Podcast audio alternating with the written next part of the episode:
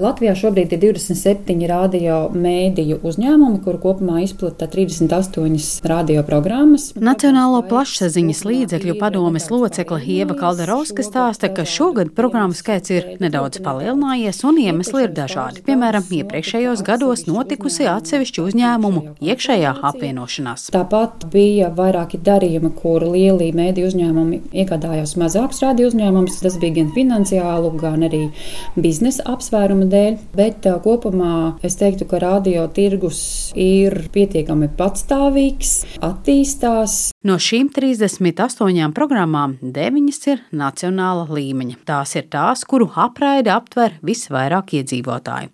Ieva Kalderauska teica, ka radio visvairāk cilvēku klausās klasiskajā veidā, radio viļņos kurus cilvēki pamatā patērē un klausās, piemēram, braucot automašīnā. Un šāda veida satura patēriņš varētu būt mūžīgi.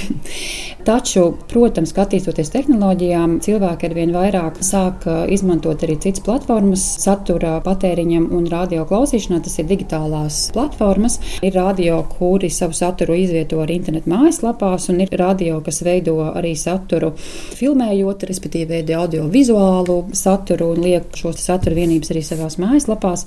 Ir radio, kas ļoti aktīvi mēģina vai plāno attīstīties arī digitālajā vidē, izstrādājot, piemēram, aplikācijas. 2021. gada dati vēl tiek iesniegti un nav vēl apkopoti, bet 2020. gadā radio uzņēmumu kopējais apgrozījums Latvijā bija 6,7 miljoni eiro, un salīdzinot ar 2019. gadu, kopējais apgrozījums sarucis par 20%. Lielāko daļu no radio ieņēmumiem veido reklāmas ieņēmumi. Es esmu jautājis radio uzņēmumiem vairākas reizes, kā jūs jūtaties un kā ir, kā sabiedriskie mēdīji vairs nav reklāmas tirgu. Uzņēmumi godīgi atzina, ka viņiem šobrīd to ļoti grūti pateikt, jo Covid dēļ šī reklāma ļoti strauji samazinājās. Bet ļoti iespējams, ka ja nebūtu radio un sabiedriskie mēdīji izgājuši no reklāmas tirgus, tad šī situācija komerciāli tirgu būtu vēl smagāka nekā tā bija. Bet, ja salīdzinām ar apgrozījumiem, tad viss radio komerctirgus apgrozījums ir ievērojami mazāks nekā Latvijas rādio apgrozījums, kas, piemēram, 20. gadā bija 10 miljoni. Protams, Latvijas rādio šajās sešās programmās ir um, cita veida saturs, ir vairāk uh, ziņas, ir vairāk informatīva analītiskais, kas ir ievērojami dārgāks saturs. Kopumā radioreklāmas tirgū ieņem nozīmīgu daļu. 2021. gadā tie bija 13%. Latvijas reklāmas asociācijas vadītāja Baiba Liepiņa teica, ka vidēji šāds reklāmas tirgus pīrāgs radio ir ik gadus. Nedaudz lielāks tas bija 2019. gadā - 13,7%. Liepiņa pauž, ka Latvijas radio iziešana no reklāmas tirgus nebūtu nav būtiskākais faktors, kas samazināja radio tirgus daļu reklāmas jomā.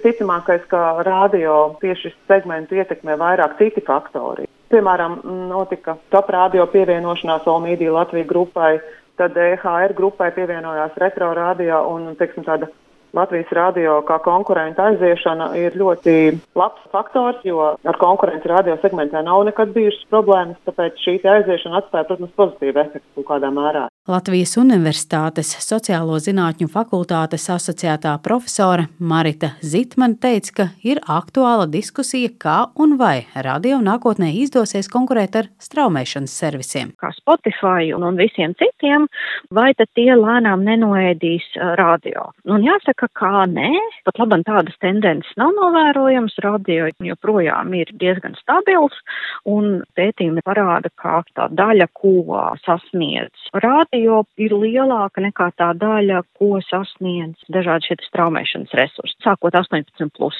šajā auditorijā. Par izaugsmi tā droši vien būs diezgan saistīta vēl ar tālāko tehnoloģiju attīstību, ar dažādām iespējām un platformām Eksperti ir pārliecināti, ka pat Laban rādio savu potenciālu izmanto pilnībā, proti to, ko šis medijs spēj sniegt, un tas tiek arī izmantots. Marita Zītmane uzsver, ka radioreklāmas tirgu konkurējot ar citiem medijiem ir savas priekšrocības. Radioreklāma atmodina mums iztēli. Dzirdot, mēs spējam iedomāties tās ainiņas galvā. Tad, tad ja, teiksim, radio tiek izspēlēts kaut kāds sižetiņš tajā reklāmā, tad mēs paši uzburam šo ainu sev acu priekšā. Savukārt tas veicina atcerēšanos, tas veicina iesaistīšanos. Tāpat radioreklāmas devējiem palīdz sasniegt mērķētu auditoriju un ar radio starpniecību nevien uzrunāt to, bet arī iesaista. Linda Zalāne, Latvijas radio.